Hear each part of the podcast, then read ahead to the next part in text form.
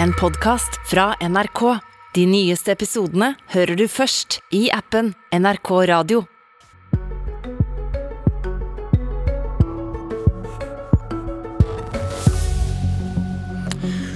Hun har sagt at hun frykter sterke menn med enkle løsninger.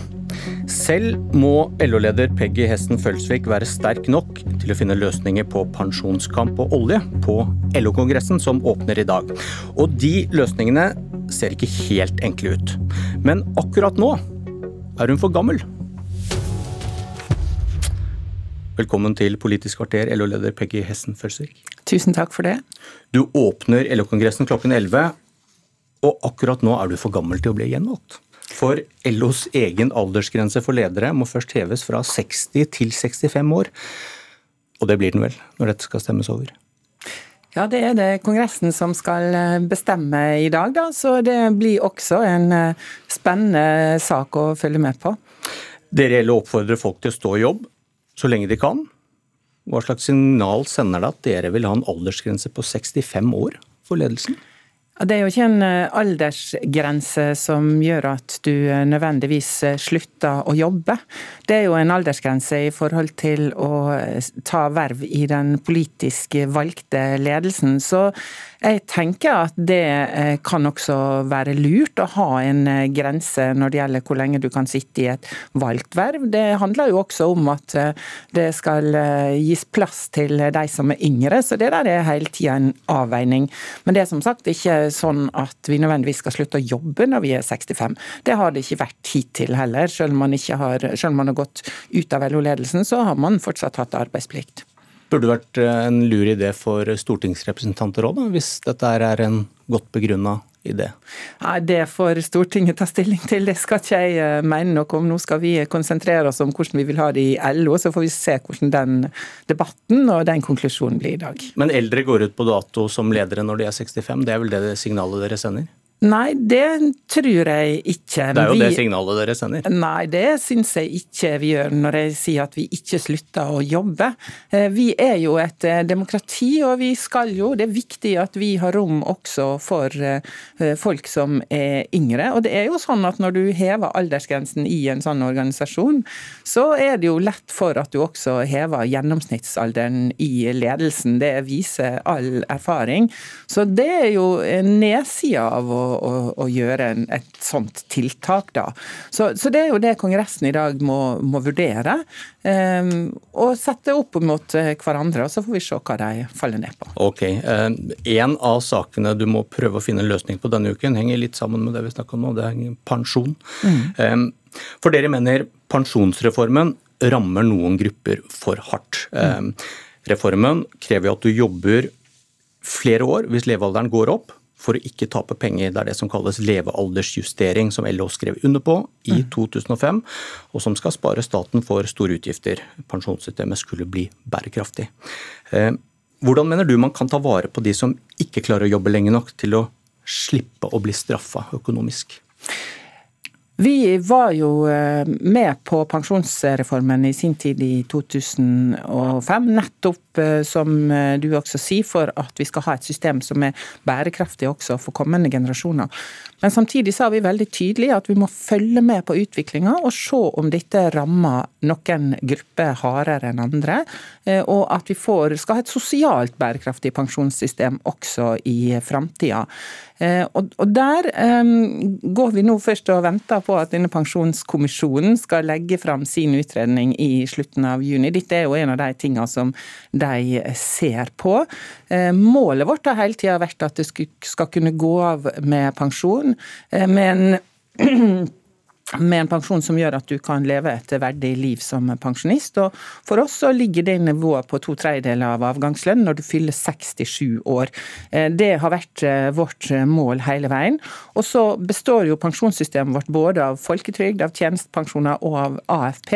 Så det er jo å få disse ordningene til å spille sammen eh, som gjør at vi skal nå det målet. Og da er jo folketrygda det aller, aller viktigste. Ja, men hvis noen da, disse sliterne skal få mer hvis de blir urettferdig straffa på reformen som dere er inne på. Mm. Hvem skal betale for det?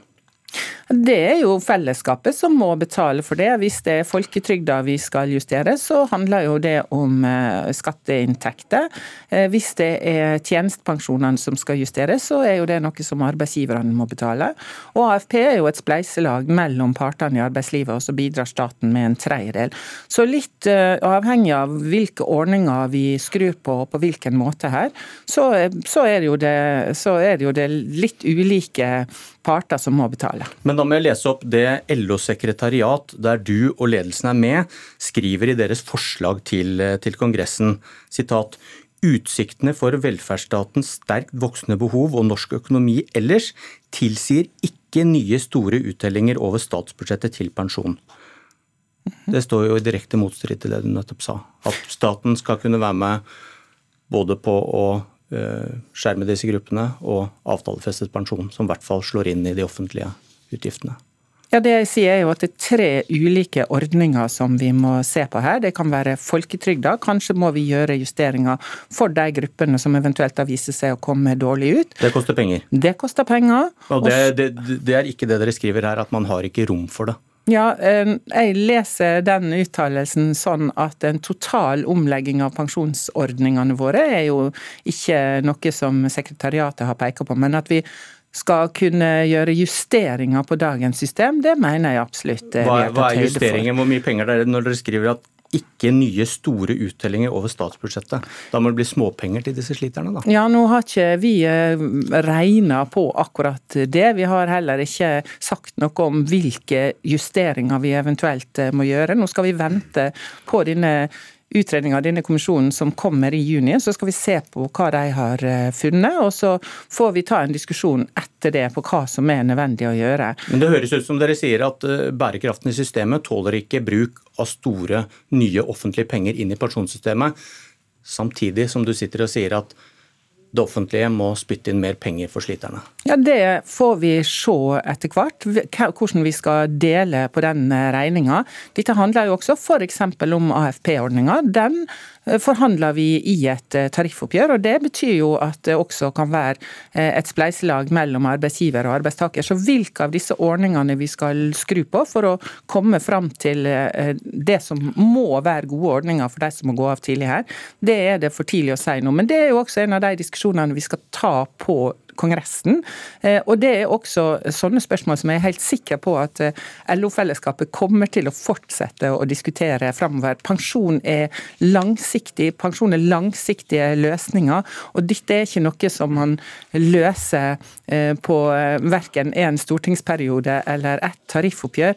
Her er det å se de lange linjene som er det viktige okay. når det gjelder pensjon. Et alternativ er jo å omfordele innenfor systemet at de som ikke er slitere, de må jobbe lenger for at sliterne skal kunne gå av mm. når de er 62. Mm. Er det en løsning du er åpen for, for å ikke bruke mer penger? Ja, Det får vi se på som sagt når disse evalueringene nå eh, kommer. Tror du vi folk ikke... er villige til å jobbe til de er 75, 76, 77? For at noen skal kunne gå av når de er 62? Det er jo mange som mener at de gjerne kan tenke seg å jobbe så lenge i dag. Dette er jo noe som vi må ta et felles ansvar for. Det er også viktig at vi ikke eh, har det sånn at, eh, at folk ikke har en pensjon å leve av når de er tvunget til å gå av av helsemessige årsaker f.eks. Da får vi fattige eldre, og det vil vi heller ikke ha i dette landet. Det må vi også ta et felles ansvar for. En annen debatt på Kongressen blir om olje og gass. og Der vil du og ledelsen, sekretariatet, slå ned forslag om å slutte å lete. Mm. En av begrunnelsene dere bruker er krigen. Norge må lete mer for å hjelpe Europa til å bli uavhengig av russisk gass.